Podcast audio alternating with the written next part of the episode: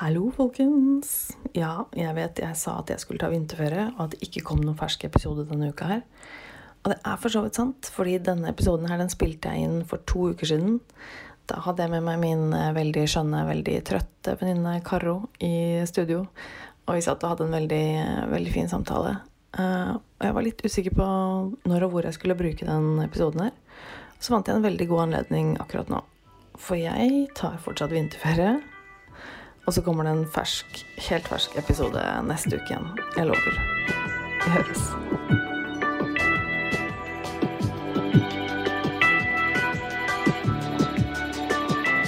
Eh, Kjører vi her, Bråten? Ok. Ja, herlig. Ja, men da, da starter jeg egentlig bare. Ehm, sånn som vanlig. Eh, og nå Jeg begynner jo som regel å snakke litt om sånn siden sist, og det er ikke så lenge siden jeg var her sist. Eh, I dag er det torsdag. I dag slapp jeg episode ti. Eh, og jeg var jo her allerede på, for to dager siden og spilte inn den, og så er jeg her tilbake i dag. For jeg har med meg en gjest. Eh, og for dere som eh, ser på dette på YouTube, lurer kanskje på hva som skjer. Eh, men hun ønsker å være litt sånn anonymisert, og det har jeg sagt at det er greit. Eh, Det er snakk om en, eh, min veldig veldig kjære, nære venninne som heter Karo, som er eh, med som gjest i dag. Jeg- Som jeg gjør et lite unntak for i forhold til dette med anonymisering.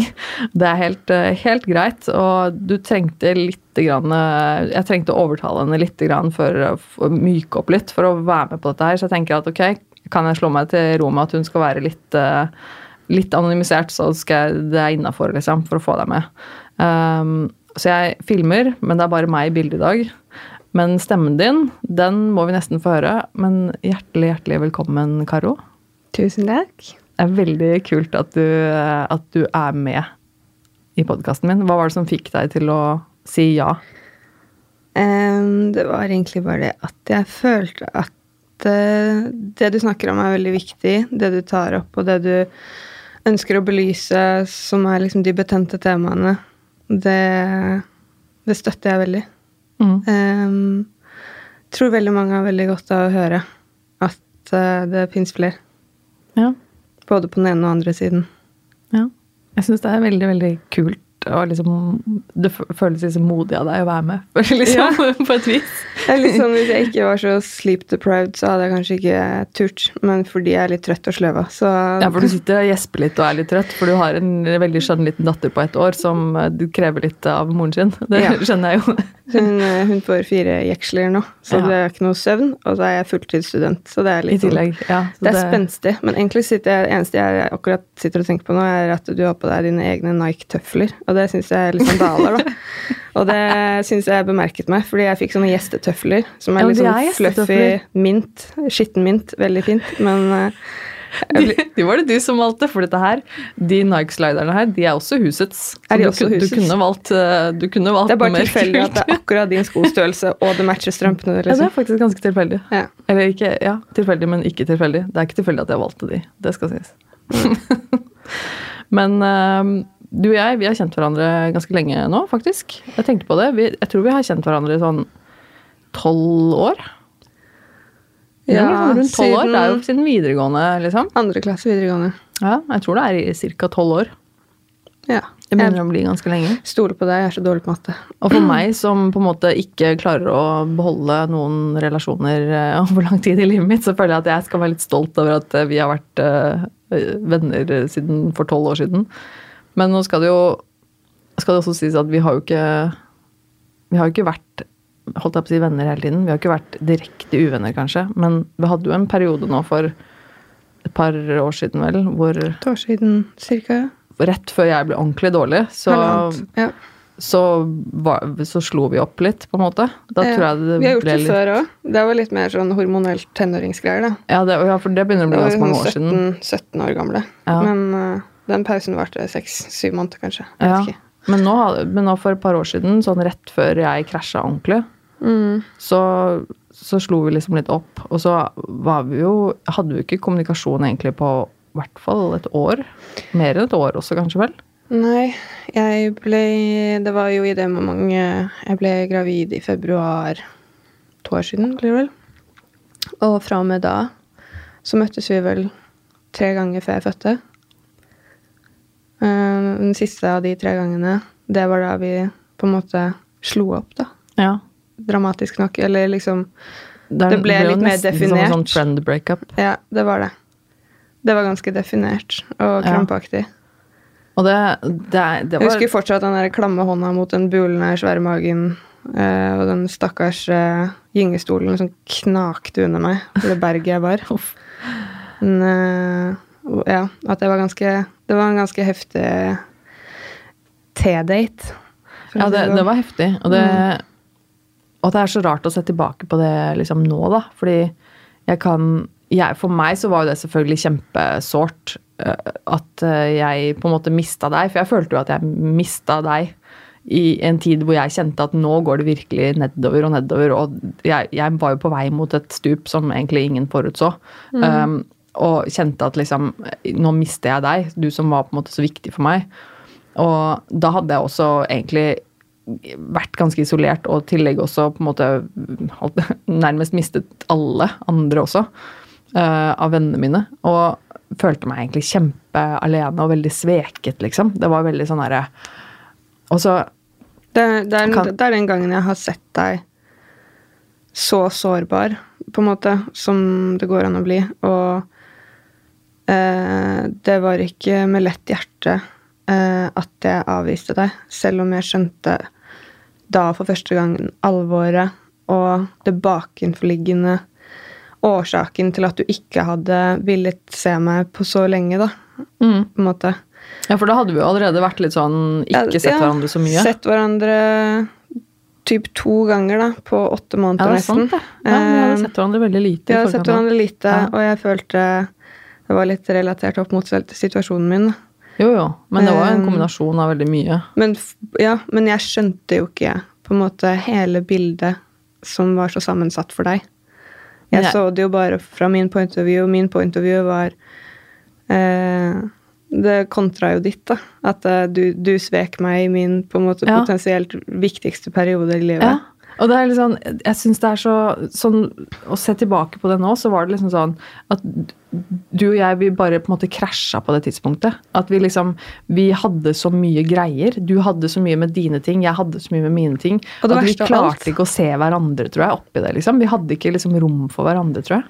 Men det verste av alt var jo at vi begge gikk sykemeldt parallelt og satt alene i hver vår leilighet Ja. med hva da, ti minutter busstur imellom, Ja. og ikke så hverandre. ja. Så det Men jeg merka jo at jeg, jeg hadde jo ikke jeg hadde jo, jeg hadde jo sveket deg egentlig lenge før det òg. Fordi jeg hadde jo ikke rom for deg, jeg hadde jo ikke rom for noen. Jeg, jo, jeg klarte jo ikke å takle meg selv og mitt engang.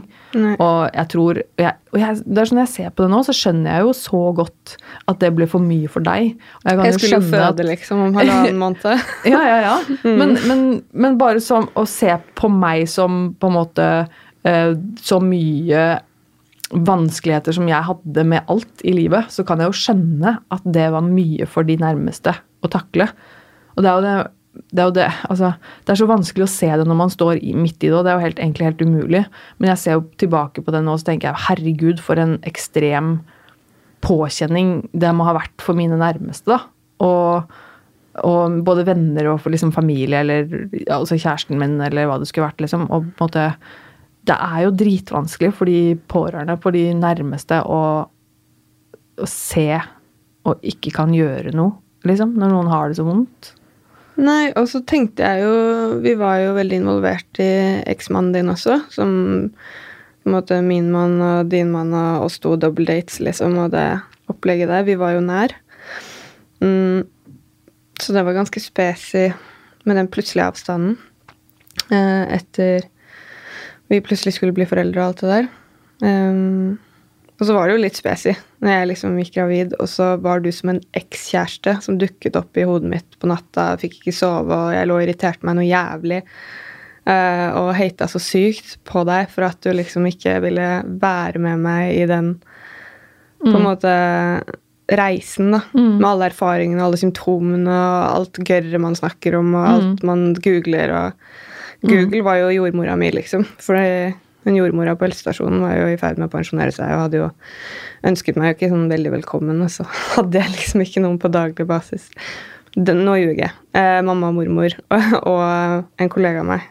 Venninne og kollega. Var veldig tett på. Men, eh, men det er jo jeg hadde jo virkelig liksom jeg, jeg maktet jo ikke å ha rom for noen, liksom. Det er helt, helt utrolig. Men du Og- skjerma det godt, altså introduksjonsvis, før du liksom stupte.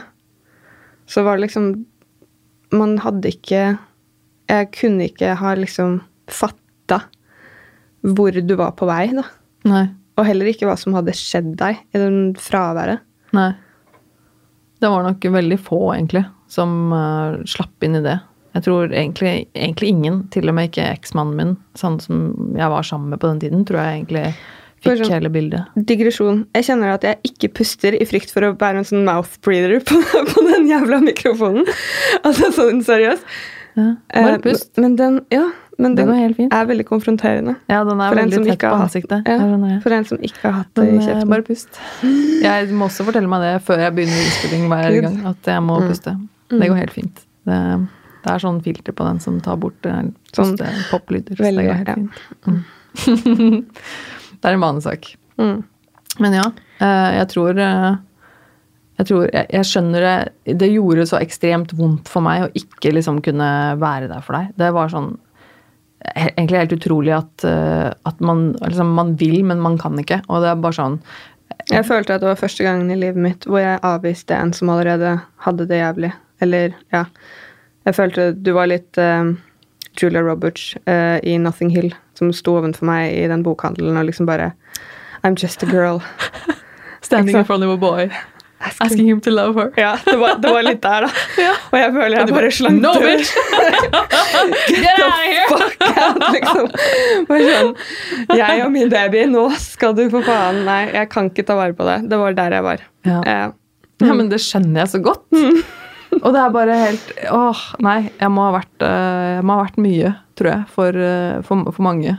Men, og det er liksom Jeg, jeg tror det er eh, Og det er jo til syvende og sist eh, Min helse er jo mitt ansvar. Og hvis jeg er for Altså, jeg skjønner jo på en måte at at, det, at, det, at, det, at du også mitt, Min helse er mitt ansvar, men det gjelder også deg. Og din helse er ditt ansvar, og hvis du merker at din helse blir dårligere av meg, så er jo du også nødt til å ta et ansvar for det. mm. Liksom. Og da hadde jeg ansvar er- for noen andre enn meg. Ja, ikke sant? I tillegg, liksom, ja. Og det er jo dritvondt. Jeg tenker Det må ha vært jævlig vondt for deg også å sitte der, som du sier, da, og, og måtte avvise meg på et vis. Selv om du da sikkert visste at liksom At vi egentlig kanskje trengte hverandre, eller at, du, at jeg trengte deg, i hvert fall. da. Og, men at du bare liksom Du måtte ta din og ta vare på deg og bare Jeg tåler ikke deg og ditt nå. Det går liksom ikke. Og det er, liksom, det er så sterkt gjort av deg òg, liksom. Jeg vir- Sånn virkelig. Det må ha vært jævlig vondt for deg òg, liksom. Ja, det var det. Men eh, ja. Kan trekke litt paralleller til um, en erfaring um, hvor min far var innlagt uh, på en sånn, et sånn overgangssted. Sånn fra Blakstad tilbake til hverdagen, så er det et sted som heter Sikta, som han ble lagt inn på ved en anledning hvor han slet veldig psykisk. Og i et møte der um, så med Det var fryktelig ubehagelig. Det var et møte jeg og min bror ble innkalt til et møte der. Hvor ehm, det var en eh, litt sånn grå mus i 50-60-åra som satt og noterte på en skribleblokk alt vi sa og gjorde i det rommet. Som observatør liksom i en krok. Veldig trangt lokale. eh, med en litt sånn glorete eh, psykologkjerring som hadde veldig lange negler og mye bling og pels på seg. Eh, hvor hun som liksom fagperson forteller meg og min bror at eh, pappa har det ikke bra, og, og nå må dere primærsosialisering. Dere er første steg. Nå må dere aktive- altså aktivisere han, ta initiativ til å være sosial med han. Gi han rom for å feile, gi han rom for å droppe avtaler i siste liten, og bla, bla, bla. Nå skulle vi liksom ta ansvar for han. Eh, og også da så avviste jeg det. At eh, det er ikke vårt ansvar. Fordi det har vi Vi har på en måte Det har vært litt sånn i min oppvekst at vi har kanskje Jeg og min bror har vært litt sånn omsorgspersoner for han. ved noen anledninger, og at det har føles veldig Det, det tror jeg gjelder veldig, veldig mange. At uh, foreldre sliter i perioder. Det er helt menneskelig. Um, alle fucker opp. Men at de da blir At man da som barn blir påtatt en sånn omsorgsrolle. Og det kjente jeg at på det tidspunktet så var det liksom Nei, det gadd jeg ikke med. Og det skulle ikke broren min heller skulle, altså belemres med. Mm. Mm, så det er også en situasjon jeg har kjent på, det å måtte avvise en som trenger det. Altså mm. en som trenger din omsorg og oppfølging. Men det kan ikke sammenlignes, fordi det med oss var så mye mer intenst. Fordi at vi er voksne, og herregud, graviditetshormoner. Mm. Det var ikke funny, liksom. Jeg tror jeg gråt to ganger, eller tre, eh, under hele svangerskapet. Jeg var ikke sånn spesielt hormonell av meg under svangerskapet, som de fleste liksom snakker om som veldig Sånn som er veldig til stede, da. Mm. Men da var det liksom Ja, da var det grining og Fy faen, klamme hender, ass. Herregud. Det, ja. det var sånn ordentlig sånn hjerteskjærende. Ja, men det var skikkelig jeg, jeg, følte jeg så det sånn dramaturgisk utenfra også. Ja. Hvor jævlig stygt det var, liksom. Det var så stygt. Da Ah, jeg satt ja, liksom er... heldig meg med magen, og så, og så, liksom kommer du og liksom banker på min dør og Ja, Julia Roberts. Eh, og så skal jeg liksom bare avvise det. Det var fryktelig fælt. Men det, det, følte jeg var riktig da. Ja, men det tror jeg det var. Det var det. Det, det har jeg full respekt for at du gjorde. Mm. Selv om det var helt jævlig for meg å føle på det der. Jeg følte meg så forlatt og sviktet av alle. Og var egentlig bare på vei utfor stupet og tenkte fuck the world. Jeg, jeg, jeg, følte liksom når du gikk, så tenkte jeg sånn Sendte jeg henne til døden nå? Altså det var liksom, jeg, liksom bare sånn Var jeg det halmstrået, og så bare kappet jeg Nei. Jeg, men samtidig så tenkte jeg at det Det var bare noe du måtte gjøre, liksom? Ja. For mm. kroppen og ja, ja. hodet og ja. Det var litt sånn. Men jeg er så glad for at vi på en måte klarte å på et vis finne tilbake til hverandre. Og jeg er litt nysgjerrig på det, fordi Hvordan skjedde det? Det tok lang tid. Ja, vi hadde jo en periode da på vet ikke om det gikk liksom typ halvannet år eller noe sånt før vi nå liksom har litt kontakt igjen. Nå er det jo fortsatt ja. ikke kjempe Vi har jo hver vår busy liv, liksom. Men, men, nå er vi jo på en måte litt tilbake igjen, føler jeg. Vi skrev mailer, det husker jeg. Ja, vi skrev mange mailer. Vi skrev ja, lange, lange, lange, lange mailer. ja. ja, det er sant. Vi skrev mailer, ja. og så avtalte vi kaffedater som ble avbrutt fordi du følte deg dårlig, og så kunne ikke jeg, og så var det liksom fram og tilbake, og så sa du vel egentlig unnskyld. Ja. Uh, og det tok jeg, da. Og liksom, ja. Ja, for det, det, var jo på en måte Det var jo et slags breakup, og det var jo et tillitsbrudd liksom fra begge sider. Og jeg merka jo da at vi på en måte skulle holdt jeg på å si, bli sammen igjen. At, mm. at det var en sånn at man må bygge opp igjen den tilliten. Ja, og det er jo noe som alltid vil på en måte være ødelagt der. Altså sånn i minnebanken så vil det ligge mm. nært at man Ja, det tar tid å bygge tilliten, da. Mm. Men jeg er litt nysgjerrig sånn i forhold til Altså, hvordan, hvordan, hvordan, hvordan er jeg? Altså, hvordan, hvordan, har din opplevelse av meg vært? Du som har kjent meg så lenge. Jeg har jo mm. først liksom Nå for snart to år siden fikk jeg liksom vite om hva jeg egentlig Fikk jeg liksom vite hva jeg egentlig har slitt med, for å si det sånn, da. Ja. Og mest sannsynlig så har jo jeg hatt diagnose personlighetsforstyrrelse, uh, diverse sånne ting som jeg har slitt med i mange, mange år, mm. uten å egentlig ha visst det før ganske nylig. Men du har jo kjent meg veldig, veldig lenge, egentlig. Du har kjent meg siden videregående.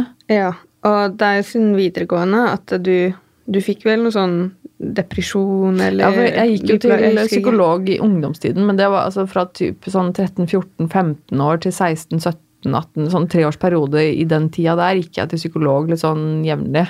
Mm. Og da, da, hadde jeg jo Hun ga meg jo liksom diagnosen depresjon. Men det er jo også litt fordi at altså selv, om, selv om hun på den tiden hadde, hadde, sittet der og tenkt at shit, hun har en personlighetsforstyrrelse, så er ikke det en diagnose man gir til så små til små, små barn, holdt jeg på å si. Det er veldig uvanlig å gi en sånn diagnose i folk som fortsatt er i utviklingsfase i ungdomstiden, liksom. Ja. Eh, Det er jo ikke så vanlig. Så selv om jeg nok mest sannsynlig hadde ganske tydelige tegn på det allerede da, så var det på en måte fortsatt Er man ungdom, liksom. Så er det jo vanskelig å si. Men jeg var jo helt tydelig deprimert. Jeg, jo, jeg var jo veldig selvdestruktiv. Og hadde, jeg gikk jo på medisiner også en periode. Eh, men det var jo uh, Da jeg traff deg, da vi ble kjent med hverandre på videregående, så hadde jeg jo Da hadde jeg jo ikke noe behandling. Da hadde jeg jo Da gikk jeg ikke til psykolog og ikke, ikke noe medisiner. Mm. Nei. Men du hadde fortalt at du hadde gått i behandling på et tidspunkt. ja, det hadde jeg nok. Og at eh, Jeg husker jo at du på et eller annet tidspunkt på videregående ringte meg ganske sent på kvelden og spurte om jeg kunne komme til deg til Asker og sove sammen med deg. Oh, ja. Mm. Eh, så jeg visste jo at du sleit da, liksom. Eh, og litt sånn rykk og napp. Men det har vært perioder før du begynte å gå til behandling nå nylig.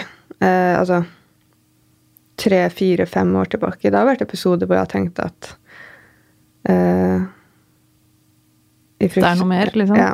At hun er sjuk. At det, er, det der er liksom ikke ja. ja, At hun nå sliter rundt fordi hun er sjuk. Altså sånn Hvordan så du det, da? Hva, hva tenker du at er ting man kan plukke opp på da, liksom? Eller hva? Hvor, Nei, altså hvorfor sånn- tenkte du det?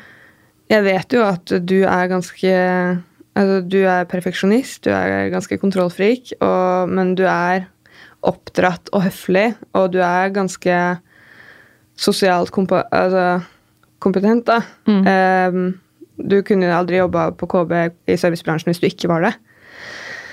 Og det har vært ganger hvor du har eh, reagert med å Når jeg har mistenkt, da, eller tenkt at nå har du angst, sånn bad shit-angst, liksom. Eh, hvor du har fremtrådt ganske krast og ganske, ganske Kanskje utakknemlig, ganske bitchy. Eh, med stor B, da. Oi, ja. Eh, ganske sånn krass i kantene, da. ja.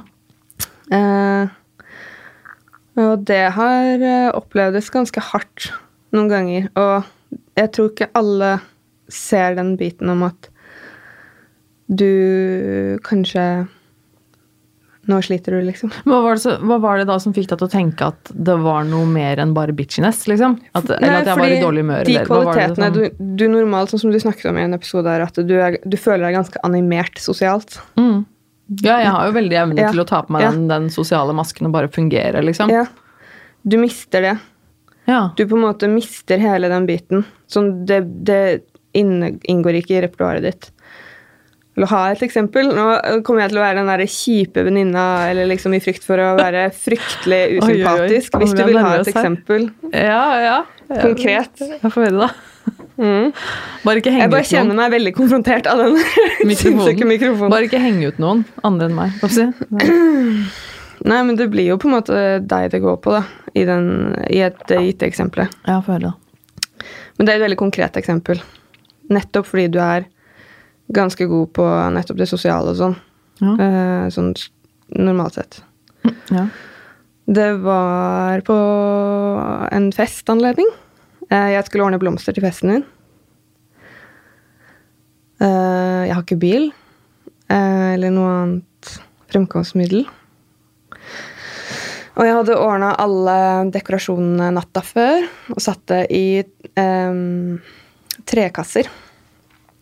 Men jeg kan ikke bære seks eller åtte trekasser alene ned til sentrum. Mm. Til festlokalene dine. Mm. Så jeg måtte ha hjelp til noen å bære. Mm. Og så fikk jeg noen venner av meg til å hjelpe å bære. da. De var jo ikke invitert til festen, men de var jo i området, så de kunne hjelpe til. Mm. Så vi gikk sånn i flokk, da, fire på rad, Oi. med hver, eh, hver våre kasser. Ja. Og så, og så kommer vi til lokalene. Og jeg er jo tidlig ute, for jeg skal hjelpe deg å pynte. Ja. Og du er i shutdown-mode, da. Ja. Det, altså, en ting er at jeg vet du blir ukomfortabel når det dukker opp folk du ikke vet skal komme og sånn. Men jeg hadde sendt deg en melding i forkant, men det var kort varsel sikkert. Men uansett så var du overveldet av planlegging Ja. eh, og stress. og liksom få alle stjernelysene på bordet og tenne på de og fikse og ordne og styre. Alt skal være perfekt. Ja. Så mine venner enset du ikke. Sa ikke hei til dem. Eh, sa ikke takk. Du var egentlig bare ganske sint og ganske aggressiv for ting som ikke var på plass. Ja. Så vi ble, jeg ble igangsatt ganske tidlig, og de bare snek seg ut døra, disse vennene mine som hadde assistert turen. Ja. Da skjønte jeg at liksom nå er du i et sånt modus, da, Ja. hvor du er ikke helt deg lenger. Mm. Og det tror jeg Da er liksom Da følte jeg at nå har du skikkelig angst, liksom. Eller fordi du, fordi du merka det fordi at jeg vanligvis i en sånn situasjon hadde da kanskje anerkjent vennene dine ikke sant, som kom med deg, eller Ja. vært høflig og sagt takk og liksom de tingene Ja, der. da. Er det du mener at var Ja. den store forskjellen, liksom? Det var den absolutt store forskjellen. Eh, at, men at det gikk ikke på dem i det hele tatt. Altså Om de hadde vært der eller ikke, hadde ikke spilt noen rolle for deg da. fordi da var du på en måte, allerede Ja. Du var i et modus som var på en måte svartmalt. da. ja. Stressa. Veldig sånn på klokka. Mm. Å få alt dette her til å på en måte Mm. lande før takeoff var liksom Så da var, da var det bare å liksom flyke, fyke rundt med buketter og inn på kjøkken og hente glass og styre. Ja. Og det er Og jeg merket eh, liksom gutta våre bare skygget banen og bare ble borte inn på kjøkkenet og snakket sånn lavmælt og var bare sånn ja, Ja, men det er virkelig sånn at i en sånn situasjon så bare blir jeg et sånt monster Ja. av angst. ja. Virkelig. At det, det bare tar over. Mm. Eh, fordi at jeg har altså så ekstreme forventninger og forestillinger og krav. Og liksom at det Ja, skal de være perfekt. perfekt. Det skal være Mm. sånn og sånn. Og de forestillingene jeg har, hvis ikke de liksom blir fulgt, hvis ikke reglene mine blir fulgt, så er det katastrofe. Sånn Ja. virkelig, liksom. Og så tror jeg også det er liksom det der evnen din til å visualisere deg alle stegene fram til målet, og hvordan det skal gå for seg. Og hvis det er noe som noe oppbrudd i det planverket, så blir det også eh, ikke det systemet du har satt, da. Mm. Så utrolig utrolig spesi å få, Ja. å få høre det fra din vinkel. Ja, ja. For jeg, jeg, jeg Jeg vet jo hvilken situasjon du snakker om, liksom. Mm. Og jeg kan veldig lett huske tilbake og tenke at shit, det var en ekstremt stressa situasjon for meg. Hele den festen, hele den greia der, det var bare preget av så mye stress. Ja. Og jeg klarte jo overhodet egentlig ikke å kose meg. Og jeg, eneste, jeg, husker, Jeg husker, jeg husker veldig lite av det. Jeg husker veldig lite av den kvelden, av den festen. Det, det meste av det er bare litt sånn blurry, fordi at hele min kapasitet var bare shut down i en sånn kvelende angstfølelse og stress og, og, og panikk for at liksom ikke ting skulle være sånn som det skulle være. Så det er bare helt Så begynte, da festen begynte, og sånn, så bare klikka du på det animerte, og så funka det. Men så ga det litt utslag litt senere på kvelden òg, ved en anledning. Og jeg tenkte at det har ikke sluppet tak, da. Eller liksom whatever. mm. Jeg tror ikke jeg, tror ikke jeg, jeg tror ikke jeg husker så mye Nei. fra den kvelden.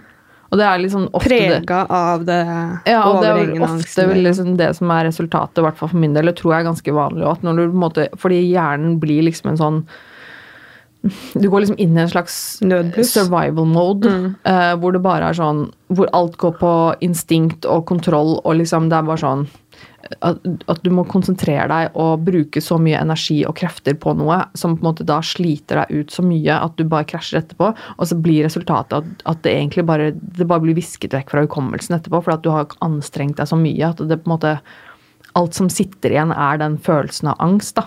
Eh, at, og det er sånn typisk, liksom jeg var inne på den, den episoden, forrige episode i nummer ti, hvor jeg snakker om personlighetsforstyrrelser, den, den tvangsprega personlighetsforstyrrelsesdelen hos meg, den kommer fram så innmari da. Det er det at jeg, jeg blir så opptatt av det detaljene, perfeksjonismen, eh, kravene, reglene, at jeg mister bildet. Jeg mister hele oversikten og mister liksom evnen til å faktisk nyte det jeg har laget, eller nyte det jeg har stelt i stand, og faktisk bare slappe av, liksom. For det, det, det tar helt over, da.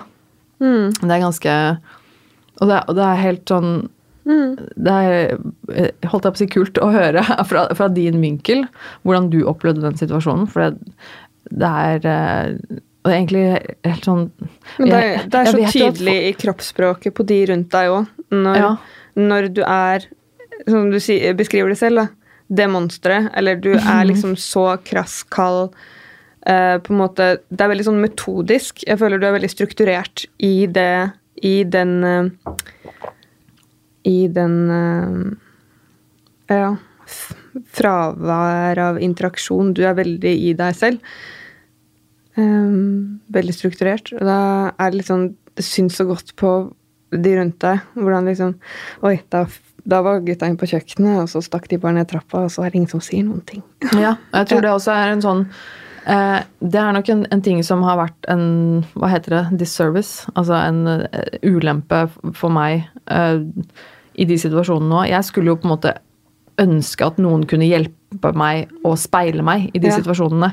For at jeg blir altså helt borte i min egen kontrollfrik verden. Mm. Og det blir liksom ikke noe bedre når andre mennesker bare skygger unna og bare la meg råde som det svære monsteret jeg blir. ikke sant? For jeg Mm. blir jo bare bare tar over alt, og hele min liksom, nevrose bare vokser seg og tar over hele hjernekapasiteten min, og så er det ingen som tør å ta tak i det. At, og det jeg skjønner det jo, jeg skjønner jo det, ikke sant? for jeg blir sikkert dritskummel og krass og veldig sånn der, hard mot folk. ikke sant? Og hvis noen, Det er jo ingen som tør å si imot meg da, for jeg blir jo et Nei, nei, nei. monster. Er Men det, også, det gjør jo bare at monsteret vokser. ikke sant? ut på de bordene. Ja, ja, men det, jeg skjønner jo det, ikke sant?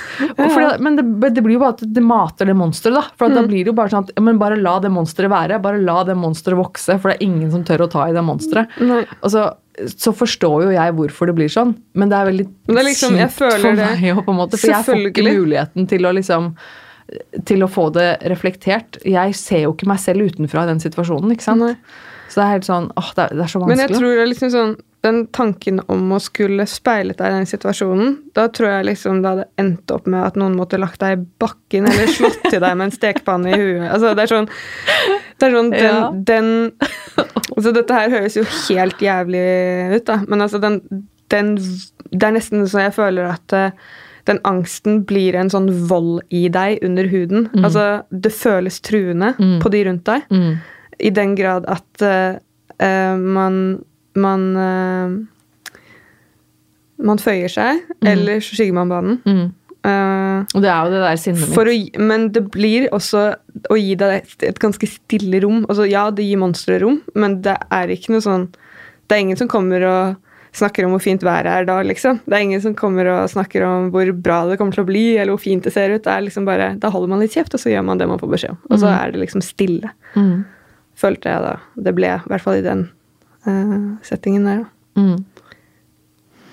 Ja, det er ganske, ganske sært. Ja, nå ble det veldig mye prat om meg, føler jeg. Det var, Ja, men var det ikke egentlig meningen. Men meningen jeg, jeg har egentlig mm, litt lyst til å høre mer om En av de tingene jeg håpet at du hadde lyst til å snakke litt om når du kom på besøk her i min lille podkast. Mm. Um, fordi du har jo Du har jo ikke alltid hatt det så veldig lett, du heller, uh, tør jeg påstå. Du har jo vært gjennom ganske mye hindre og, og drit, eh, skal man si, i livet ditt. Du var jo litt inne på dette med faren din. Mm. Og det er jo sånn at uh, du har jo vokst opp i et hjem hvor, med en far som har drukket ganske mye alkohol. Mm. Og det har jo ikke alltid vært uh, så lett. Nei. Eh, først og fremst vil jeg bare si at jeg elsker hele familien min. Vi er veldig close. Eh, mye mer nær med min far uh, senere år, siste tre åra. Sånn rent emosjonelt. Vi hadde en avstand. Jeg var mye bitter. Men så var det litt sånn ja, kunstskoleprosjekt med tilgivelse inne i bildet som løsna opp i det. Mm. Hadde blitt utsatt for noe vold. Eh, ikke noe alvorlige greier. Men det er jo det eh, Først og fremst så fikk han diagnose MS da jeg og broren min var i tenårene. Og så ble han sykemeldt, langtidssykemeldt, og så begynte han å drikke mer og mer. Det ble mer og mer synlig. Mm. Eh, de fant jo ut på avrusningen at han egentlig har vært alkis siden vi var små-små. Eh, Men at det ble mer synlig da han ble sykemeldt. Ja. Eh, og da lå han liksom hjemme i mørket og røyket og drakk. Og hadde nervene litt sånn utapå kroppen. For da, den, i denne situasjonen her, så er dine foreldre Eh, fortsatt gift? Nei. Eh, de ble skilt. Eh, men altså, rekkefølge ble liksom diagnose MS, eh, sykemelding, eh, alkoholismen ble synligere, men ikke noe vi uttalte. Men noe vi merket i form av at han bar nervene mer utenpå kroppen, ble mer kortlunta, eh, lettere kom i konflikt og krangler, eh, ble mer usikkert hjemme, da. Mm. Som, og mamma jobbet jo mye nattevakter og tok på seg mye ekstravakter. Hun er sykepleier. Um, for å få det til å gå rundt da pappa var redusert. Eh, så hun fikk ikke alt dette med seg. Og på det tidspunktet hun gjorde det, ikke sant, så hadde jeg og lillebror liksom gjemt oss og ringte henne og 'nå må du komme hjem', liksom, fordi nå er pappa sinna. Mm.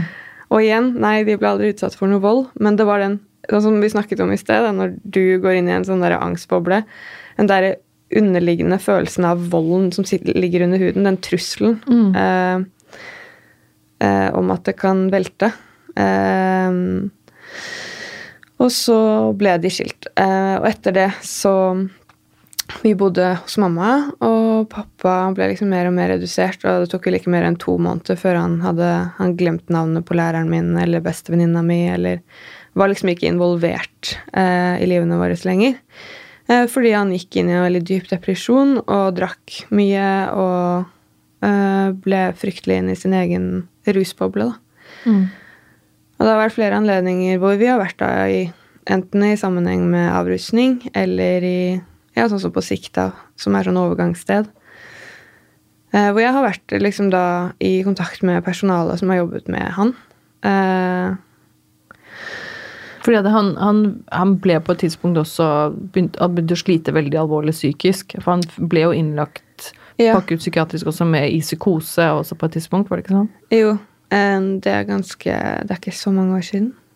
Eh, Jo, det begynner å bli noen år siden. Eh, sånn, ja. Ni år siden. Ti. Ni-ti år siden. Ja. Mm. eh, men da hadde han vært stabil lenge. Og der er at min far har liksom Ja, han gikk inn i en dyp depresjon, og så gikk han på avrusning, og så har han egentlig vært fungerende oppegående. Det jeg berømmer og syns er så fantastisk med faren min, er at selv om han på en måte er både fysisk og psykisk eh, syk, eh, og med MS-en nesten har en dom hengende over seg, eh, så er han Han sysselsetter seg sjøl, da. Mm. Eh, om han ikke har vært i arbeid i perioder, så finner han på en måte møtepunkter for mennesker som er på vei ut og tilbake fra å ha slitt og tilbake i arbeid. Eh, han er sykt sosialt eh, kompetent. Eh, han har venner overalt. Ja, det vil jeg og- absolutt påstå han er. og det er liksom når, Da jeg var liten, så var det sånn at mine venninner var liksom sånn 'Pappaen din er så kul.' Og han spilte alltid sprengte høyttaleren i stua vår og sånn, fordi midt på en hverdag, og det kom innom ungdommer og bare 'Å, er du fest der, eller?' fordi pappa spilte så høy musikk. Nei da, han er veldig omgjengelig og verdens eh, fineste menneske. Det er bare godt i han, egentlig. Um, mm. Det er jo absolutt det inntrykket jeg også har fått av din far opp gjennom åra. At han Ja. er veldig sånn kul og veldig sosial og ja, han digger jo deg, og han digger jo alle Han er jo sånn, veldig sånn klønete, men fortsatt sånn utrolig sånn sjarmerende, liksom. Og veldig Ja. sånn ja, kul og sånn ja. rar kul, liksom. Ja, jeg fikk alltid absolutt. veldig sånn godt inntrykk av han. Selv om han var rar, så var han liksom kul. Liksom. helt på G med deg, da. altså, uh, ja. Nei, men han er fantastisk. Men ja, han hadde en psykose uh, for ja, ni-ti år tilbake. Uh, da var jo jeg ganske i starten av 20-årene. Mm. Det må ha vært ni år. Ja. Eh, starten av 20-årene, og um, fikk en telefon fra han tidlig om morgenen om at fy faen, Karo, det er noe som har skjedd, jeg må hente deg. Og så vet jeg at det er ikke så veldig likt han sånn tidlig på formiddagen på en hverdag. Um, Men så kom han og hentet meg. Og da var jeg i et uh, jobbeår, så jeg hadde ikke noe vakt den dagen. Så jeg slang meg i bilen med han. Mm. Og ja, han var psykotisk, og jeg var med han en hel dag. Hvordan opplevde du han liksom i den situasjonen da? I den situasjonen han skravla uavbrutt, Uh, mye usammenhengende. Han snakket om uh, at han hadde en liste med hjelpere. Og jeg var øverst på lista over folk han skulle kontakte den dagen. Uh, for han hadde fått kontakt med sin far, som døde da han var 60 år gammel. Han hadde fått kontakt med sin far, som hadde sagt at du er frisk, og du skal bli frisk, og du uh, har ikke MS lenger, og du, har ikke, du er ikke alkoholiker lenger, og nå kan du Altså, han hadde vært sjuk. Altså, det med MS er jo at det, kom, det, kan komme og gå, og det trekker seg tilbake på medisiner og sånn. Han hadde vært ganske dårlig en periode. For MS er en sykdom som påvirker kroppen? Ja, nevrologisk nervesykdom. Mm. Så du kan få lammelser, du kan få nervesmerter, du kan få problemer med Og så er det en sykdom som på en måte utvikler seg veldig sånn over ja, lang tid? Er det altså, sånn? det er gjerne sånn at uh, du får attakker, eller sjob, som er på en måte en progresjon i at sykdommen utvikler seg. Du mm. kan liksom se det på MR-scans, at du har flekker på hjernen. Ja. Uh, det er vel ett sykehus i Bergen som er Norges første sykehus som har prøvd å uh, gjøre noe beinmargstransplantasjon. Uh, som kan ha hjulpet altså Som kan ha kurert folk og sånn, men det er liksom så usikkert ennå. Ja, for det er ikke noe kur per, per, nå? Nei, det er en kronisk sykdom. Du får den og dør med den, men ikke av den nødvendigvis. Men ja. altså, du blir jo betydelig redusert livskvalitet da når du etter hvert kanskje blir mer og mer redusert sånn i nervesystemet. Ja. ja unnskyld, det var en digresjon. Bare fortsett. Ja. Um, men selvfølgelig, det er jo jævlig tyngende å få den beskjeden at du har MS. Uh, eh, fordi det, det, kan Du kan havne i rullestol om uh, seks måneder eller ti år. Eller uh, kanskje ikke før rett før du dør. De sier jo at liksom som MS-pasient så bør du like, leve like sunt som en diabetiker med faste rutiner på søvn, spise masse omega-3, gå tur, leve sunt. ikke sant? Mm. Det er jo ikke tilfellet med min far. Men uh, til dags dato, selv om han fikk den diagnosen når jeg var sånn, jeg vet ikke, 14 eller noe, så er jo han oppe og går og kjører bil fortsatt og fungerer. Men det, tilbake til den psykosen. Mm. Mm. Usammenhengende, rablende, fått besøk av sin far. Snakket med sin avdøde sjef. Um, og fått beskjed om at han var frisk, og han demonstrerte det for meg. Og apropos ja, altså, vi vet jo at vi ikke tro, ingen av oss tror på alternativ terapi og alt det der. Men placebo Mannen var sjuk tre-fire måneder i forkant, så hadde han eh, på en måte blitt sjukere og sjukere i kroppen. Han kunne ikke gå noe sted uten å støtte seg. Han burde egentlig gått med krykker fordi mm. han var veldig ustø. Mye nervesmerter, eh, dårlig holdning. Altså veldig mye greier. Mm. Men eh, pga. den psykosen og hans overbevisning, mm. eh, så skulle han demonstrere for meg at han kunne gå uten å holde seg fast i et gelender i en trapp. Og da var jo jeg livredd, for jeg så jo for meg at han kom til å mm. tryne og brekke nakken, liksom. Men, ja. eh, men han, eh, han, han, liksom bandt henda bak på ryggen og demonstrerte at han kunne gå rett som en soldat opp den jævlig lange trappen uten å støtte seg noe sted. Og det, han, han gjorde det. Ja.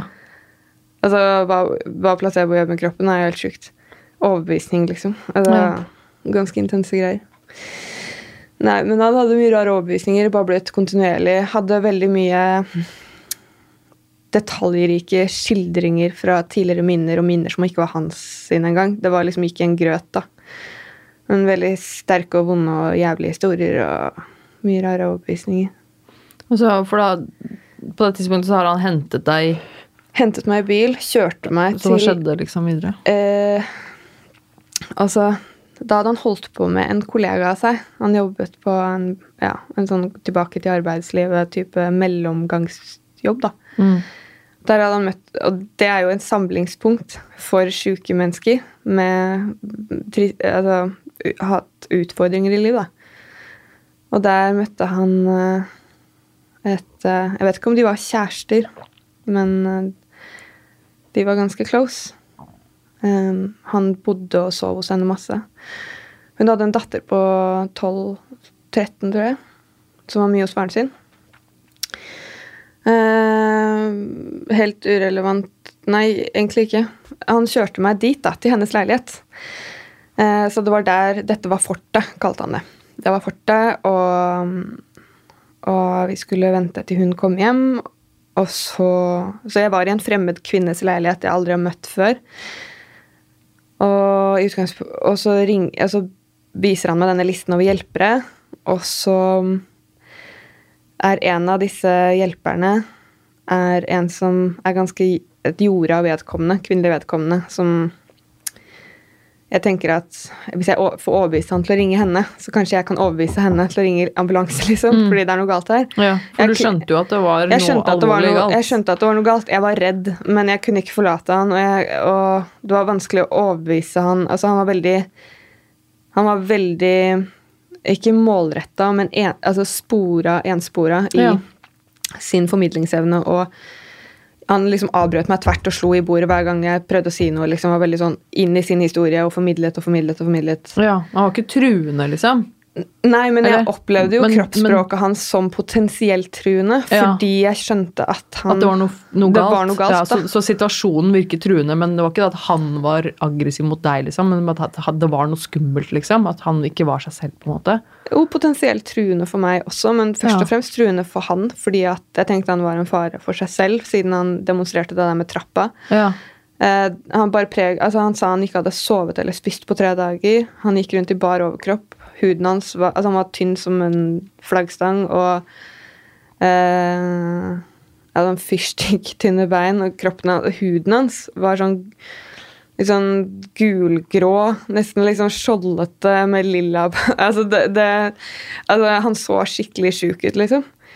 Eh, lukta jævlig stramt, hadde ikke dusja heller. Skikkelig huleboer, liksom. Og så fikk jeg han til å um, invitere dette kvinnelige vedkommende, da. Bare sånn hvem som helst annet, Mm. tenkte jeg bare for å få inn et annet redde, vedkommende. redde dere, holdt jeg på å si. Ja. Eh, Så jeg, jeg overtalte han, fordi det blir jo eh, instinktivt, så bare jattet jeg liksom med. Jeg smurte han liksom. bare sånn, ja, men Ja. Hvis vi skal ha besøk nå, så er det veldig hyggelig for meg, jeg er jo barnet ditt, liksom. At du ser litt mer representabel ut. Du lukter jævlig vondt, kan du gå og ta en dusj, liksom. Og mens han var i dusjen, så ringte jeg til mamma. Mm.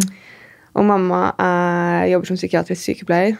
Eh, og hun skjønte ganske fort at det var noe ganske galt. Mm. Og så sa jeg at uh, når du er ferdig på jobb, liksom, eller ja, når du har anledning, ta med deg Rune. Ring Rune. Og mamma og pappa hadde vært skilt i mange år da.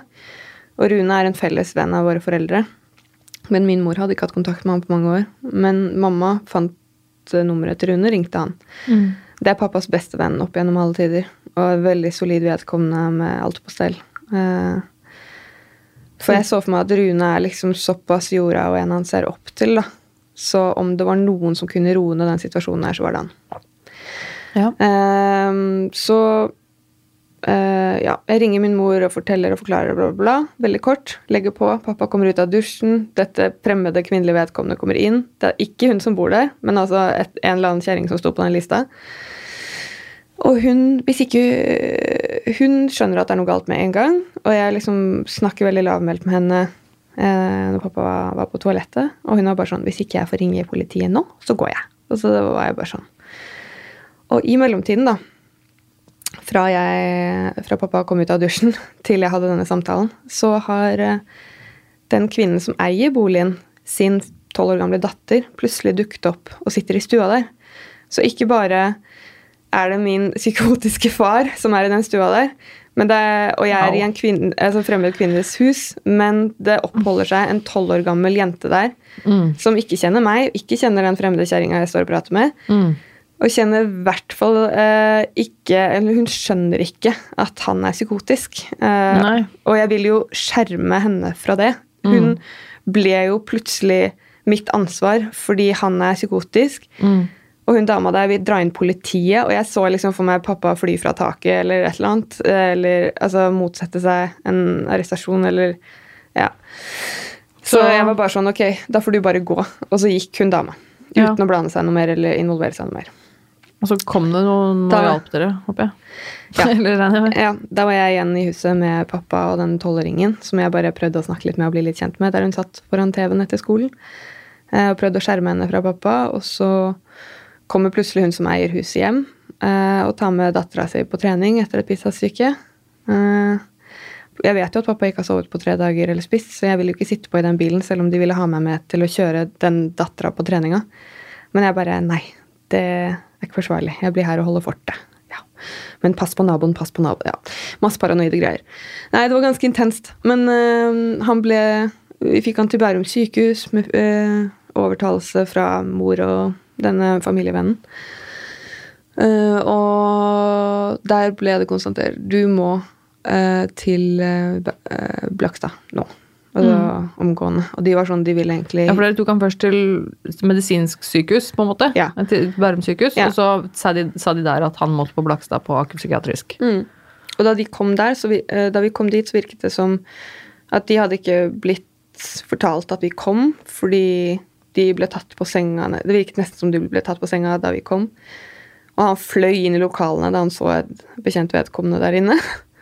Ja. eh, som pasient, ikke som eh, ansatt. Som han på en måte ga en sånn eh, Jeg vet ikke hva man skal kalle det. Hun satt i en sofa, han fløy litt sånn halvveis over henne, så litt ut som en sånn eh, det, var en, det var et forsøk på en klem, men det så mer ut som eh, Langbein prøvde å punge henne i hodet. Ja, altså, det var helt bisart. Eh, men det skjedde, det skjedde i løpet av millisekunder. Eh, så det var liksom sånn Han fløy inn i rommet, det kom masse vektere til og skulle Ja. Veldig kaos. Kaos, kaos, kaos. Uansett, det eneste jeg fikk tilbud om etterpå, selv om jeg da hadde vært, eh, følt meg ansvarlig for han i en halv hel dag, ja. var eh, vær så god, her har du to sovemedisiner og ha en god tur hjem, liksom. Eh, Da jeg etterspurte en samtale for noe oppfølging for meg, da, fordi jeg fikk en ganske sterk reaksjon etterpå, Mm. etter å ha vært under det presset, da ble jeg tilbudt å snakke med en psykiater på huset der. Mm. Og det fikk jeg. Eh, og jeg vrengte meg jo. eh, og han, han var et sånn fossil av et eh, eldre vedkommende. Eh, så vidt han hadde hår på huet, om han i det hele tatt hadde det. Og han eh, virket ikke spesielt sympatisk. Han ga meg ikke så veldig mye respons, men da var jeg bare sånn, da hadde jeg, altså, jeg hadde snakket til ei eh, stuegris. Altså, jeg, var så, jeg måtte bare tømme meg et sted. Da. Men da jeg hadde gjort det, så sa han at eh, ja, men jeg er jo lo lojal til pasienten min, så dette må jeg underrette han om. Mm. Så da hadde hele den samtalen som jeg trodde var konfidensielt, og en, på en måte et tilbud for meg som For deg. pårørende. Ja. Eh, for det var jo det jeg var Ja, du, har fått, du kan få en samtale. Mm. Bare for å gå igjennom og skylle ut den dagen, liksom. Mm. Eh, så skulle han Han var lojal til sin pasient, men jeg visste jo ikke at han var behandleren til pappa. Nei. Det syns jeg var fryktelig uprofesjonelt. Eh, Ja. Og at jeg ikke ble Altså Jeg ble ikke gjort oppmerksom på det før det. Men det er jo det jeg føler, da, i hvert fall i sammenheng med pappas behandlinger og sånn, at eh, systemet er lagt opp for å verne om pasienten, og de bygger ikke de, de tenker ikke noe på livet hans etter han slipper ut fra den institusjonen de er på. De legger ikke noe til rette for at det skal fungere i forhold til familie eller pårørende, da. Vi, det er liksom sånn som På avrusningen så var det sånn en eller annen kynisk dame igjen som står der med en sånn derre eh, pekestav på en sånn her er, her, er, her er pappa, og her er flaska til pappa. Og så er det liksom sånne ringer rundt og rundt og rundt. Og her, helt ytterste laget, kommer dere, liksom. Fordi at det er liksom alle de Og så si det til noen tenåringskids som er liksom midt i en skilsmissecase. Altså, det er så ufølsomt, da. Mm. Eh, eller det møtet på sikta hvor liksom at dere har ansvar for at pappa skal få lyst til å leve. Det er også ganske sånn å legge det på ungene til noen. Mm. Syns jeg også er ganske skrudd. Også det opplegget med, eksempel, ja, med innleggelsen. Da. Psykosen til pappa. At, eh, at man, eh, man blir tilbudt en samtale, men det er ikke noe organisert, og det er ingen som gjør deg oppmerksom på at dette vedkommende du prater med nå, han kommer til å spy ut alt det du spyr ut nå, til pappa. Altså, det Men åssen tenker du at liksom det har påvirket deg, da? Altså, som en pårørende på alt dette, liksom, hvordan har dette preget deg? Det må ha vært ganske Ja. Det må ha vært en påkjenning, tenker jeg. da, å se, jeg tenker liksom at en, Foreldre skal i utgangspunktet være måte, omsorgspersoner. Det skal jo ikke være sånn på en måte, at det, at det er barna som skal ta vare på foreldrene i, i den alderen der. Da. da tenker jeg at det må jo ha vært ganske belastende på et vis. Ja Det var jo veldig mye mer det at vi Altså, jeg følte veldig det var, Jeg satt og Og på en måte Han gråt, og jeg trøstet han. Eh, sånn rett opp under skilsmissen og det der. Og det for broren min, som var hos pappa annenhver helg en periode Vi fikk jo ikke høre om det for lenge etterpå. Men det var liksom pappa som slukna på sofaen, og lillebror som rydda flaskene eh, og rydda etter maten, og så gikk han og la seg selv. Og da var han forholdsvis ung. Eh, Så da går man jo automatisk i en sånn Ja, litt sånn hobbypsykolog, da. Eh, for sin egen far, da. Det, som vi var i den situasjonen. Uh, og at vi blir liksom de heldige, for vi har hverandre fortsatt. Vi bor hos mamma, vi er en enhet, vi er fortsatt familie. Han er utstøtt, selv om det var jo ikke tilfellet. Det var jo noe han og mamma fant ut av, at han flytter ut, da beholder vi plassen, vi er trygge, og henne og ja. Mm. Så um, Men åssen tenker du at liksom det Hvis du ser liksom på helheten og liksom hele jeg tenker at, Tenker at du har hatt Dere har hatt blitt påvirket av det nå som du er voksen, på en måte, og har reflektert over dette her i mange år? Er det på en måte Jeg det- tenker at det er greit å ha noe i ryggsekken. Jeg tenker alle har det uansett. Uansett om de har en manipulativ mor, bitch grandma, eller eh, en far som sleit med alkohol. Altså, eh, alle har sitt, da. Eh, og jeg tenker så lenge man lærer av, eh, av det Og jeg tenker det kommer jo sikkert til å følge meg i perioder resten av livet og hvor man vil reflektere over det på nytt igjen, men jeg tenker sånn For eh, eh, jeg og pappa er jo veldig gode venner i dag. Eh, og jeg er veldig glad i han. Og glad jeg kom over det punktet hvor man på en måte har vært bitter så lenge. Sint, liksom. Mm. Herregud, har jeg kasta bort så mye tid på å føle dårlig samvittighet fordi at han ikke har tatt ansvar for seg selv. Han har ikke tatt ansvar for oss. Altså alt det der. Mm. Og så er det det å forstå at han var syk. Ja. Han kunne ikke noe for det. Eh, og det var uheldig at det skjedde som det gjorde. Men det måtte det. Mm. Og så må man bare tenke at man må tilgi hverandre, da. Mm. Men det jeg har å si på det generelle om min opplevelse med altså psykiatrien, da, sånn institusjoner i Norge, eh, de få jeg har vært borti, er med det at um, Jeg tror grunnen til at det er en smitteeffekt til, når det kommer til selvmord eller depresjoner eller sånn type ting, er fordi at eh, pårørende er bare ment å ta seg sammen, og det fins ikke noe naturlig oppfølgingssamtale under en sånn litt sånn traumatiserende hendelse, det er ikke noe innbakt i systemet. Det må du be om, og selv om du ber om det, så blir du på feil premisser. fordi at, Og forresten, jeg hadde ikke taushetsplikt fordi jeg er egentlig lojal til den pasienten jeg behandler. Ikke sant? At det er ikke noe system for det. Hadde det blitt tatt på alvor tidlig nok, sånn at nå er du en pårørende, nå må du velge hvor langt du vil gå og ta ansvar i denne saken, eller du trenger ikke ta ansvar mer nå, eller trenger du å filtrere ut, trenger du noe oppfølging? Altså, tror du dette går bra? Fordi det har vært flere episoder også hvor man liksom man tripper rundt på glasskår da, for å ikke gjøre en flue fortred, fordi man blir så nervøs. Hva kan man si? Gjør jeg noe galt? Sier jeg noe galt? Man er jo ikke utdanna shrink, liksom, som pårørende. Mm. Og det blir jo bare en sånn følelse av at det forventes at verden tenker at nå må du bare ta deg sammen, det er ikke deg det gjelder. Eh, men så går man jo faktisk og bærer på en ganske alvorlig bekymring for å miste en av sine nærmeste. Mm. Og det er vondt for hvem som helst. Å å gå rundt og være redd for de man er glad i. Uh, og det å ikke ha et naturlig system hvor det plukkes opp.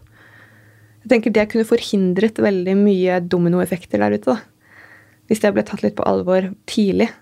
Uh, at det ikke bare ble feil. liksom Ta deg sammen, det er ikke deg det gjelder. Og så Fordi nei, det er ikke deg det gjelder, og det er ikke du som sliter psykisk. Men det er en belastning å eh, være nær til noen som sliter.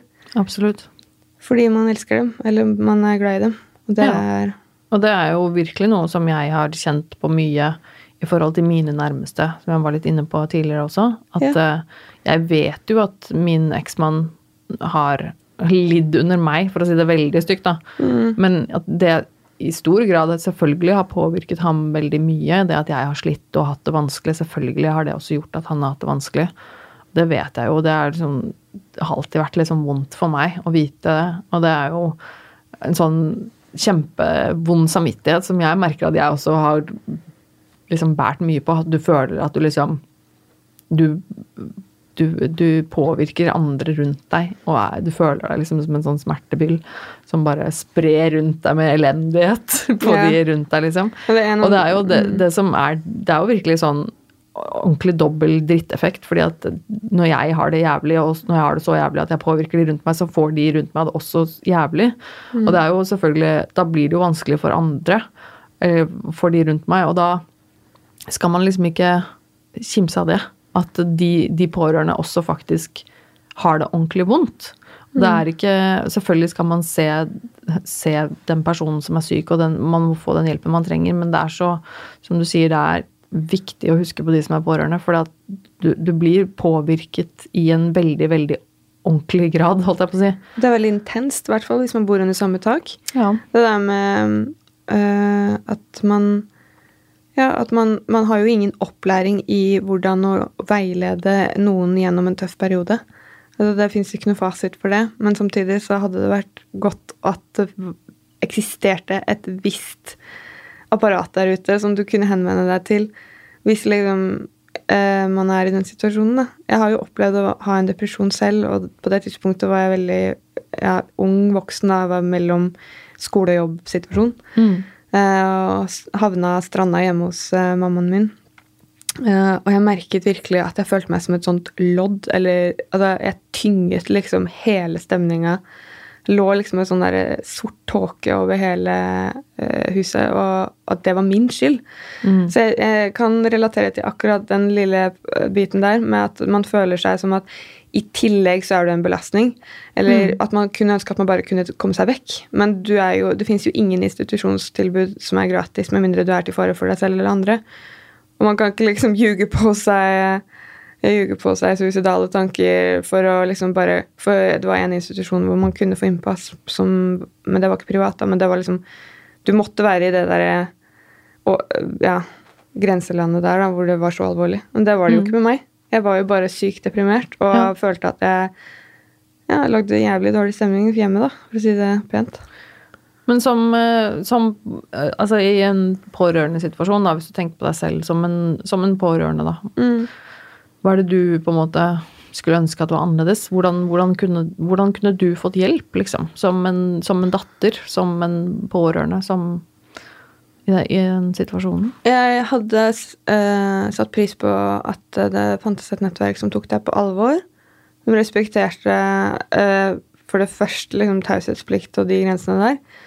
Men at man bare Det å bli tilbudt uh, en samtale, oppfølgingssamtale, ganske kjapt etterpå. Mm. Eh, så kunne det vært det. Eller at man bare visste at det var um, f.eks. en hjelpetelefon, da, eller um, ja, noe Hva som helst. At man fikk den informasjonen, i hvert fall. Ja, da, for det finnes jo faktisk et støtteapparat for pårørende også. Det finnes jo det er jo møtegrupper, det er ja, hjelpetelefoner og alt mulig, men, men, dere fikk ikke den informasjonen, liksom? Nei, jeg fikk ikke mm. den informasjonen, og har liksom aldri blitt klar over eller bevisstgjort eller liksom at det fins noe nettverk der da, mm. som kan være til hjelp. Mm. Men altså, nå har vi jo vært veldig heldige. Eh, jeg og broren min vi har et veldig tett nettverk, og ikke minst har vi et veldig nært bånd til hverandre. Mm. Eh, så det har jo vært Jeg tror det hadde vært mye verre hvis jeg var enebarn. Eh, eller liksom Vi har aldri hatt sånn ekstremt mange eller store vennegjenger, men de vi har, er liksom gull verdt. Mm. Og, så jeg har liksom følt på at jeg alltid følt meg trygg og supporta. Alltid følt meg hørt. Mm. Men akkurat i de situasjonene som har vært mest ekstreme, så skulle jeg ønske at det var fagfolk som på en måte tok det. Eh, sånn at familie, nærmeste venner og familie slapp den biten. Fordi jeg hadde jo veldig behov for å prate om det, og det ble jo veldig mye messing om det. Og det er slitsomt for de rundt den å måtte det tar så mye mørke hele tiden. Det mm. blir jo på en måte Ja. Det blir ikke så hyggelig stemning når man sitter bare og ranter. Nei. Så da kunne det jo vært en hjelp om det var profesjonelle som i det momentet naturlig bare Hei, mm. ta en prat i morgen, liksom. Ja, for eksempel. Fått litt veiledning på hvordan å håndtere det. Ja. For det er liksom Men det er nok mange som opplever sånne ting. Men øh vi har sittet og pratet ganske lenge. Ja. Er, vi har jo ofte sånn du er, at når vi først begynner å prate, så sitter vi jo bare og prater og prater. Det blir skravling. Man blir sånn der kjerring, og så tørr i halsen og Veldig hyggelig. Men uh, vi kan ikke sitte så veldig mye lenger. Nei. Nei. Men Nei, nei. eh, Jeg må jeg må legge meg. Hva er klokka blitt? Er den ti? nei da. Klokka er ikke mer enn eh, sju på kvelden. Åh, herregud, så bra. Men jeg syns det var veldig hyggelig at du, at du faktisk bestemte deg for å bli med likevel. Selv om dette Selv om du har et uh, tight schedule og en liten unge som uh, du helst skulle vært sammen med, syns jeg det er veldig hyggelig at du ville dele av dine erfaringer. Ja, men jeg føler jeg har skravla fryktelig mye, da. Jeg føler jeg burde Nei, det er helt noen spørsmål supert. tilbake. Men uh, Nei, det Jeg er litt blank. Helt, helt supert. Det er jo jeg. Jeg pleier å sitte og være den som skravler alene her hele tiden. Så det at jeg kan sitte og være litt stille, det gjør meg ingenting. Det er bare helt supert. Um, du, jeg leste noe, forresten. Jeg studerer jo pedagogikk. ja. Og da leste jeg om den gode samtalen.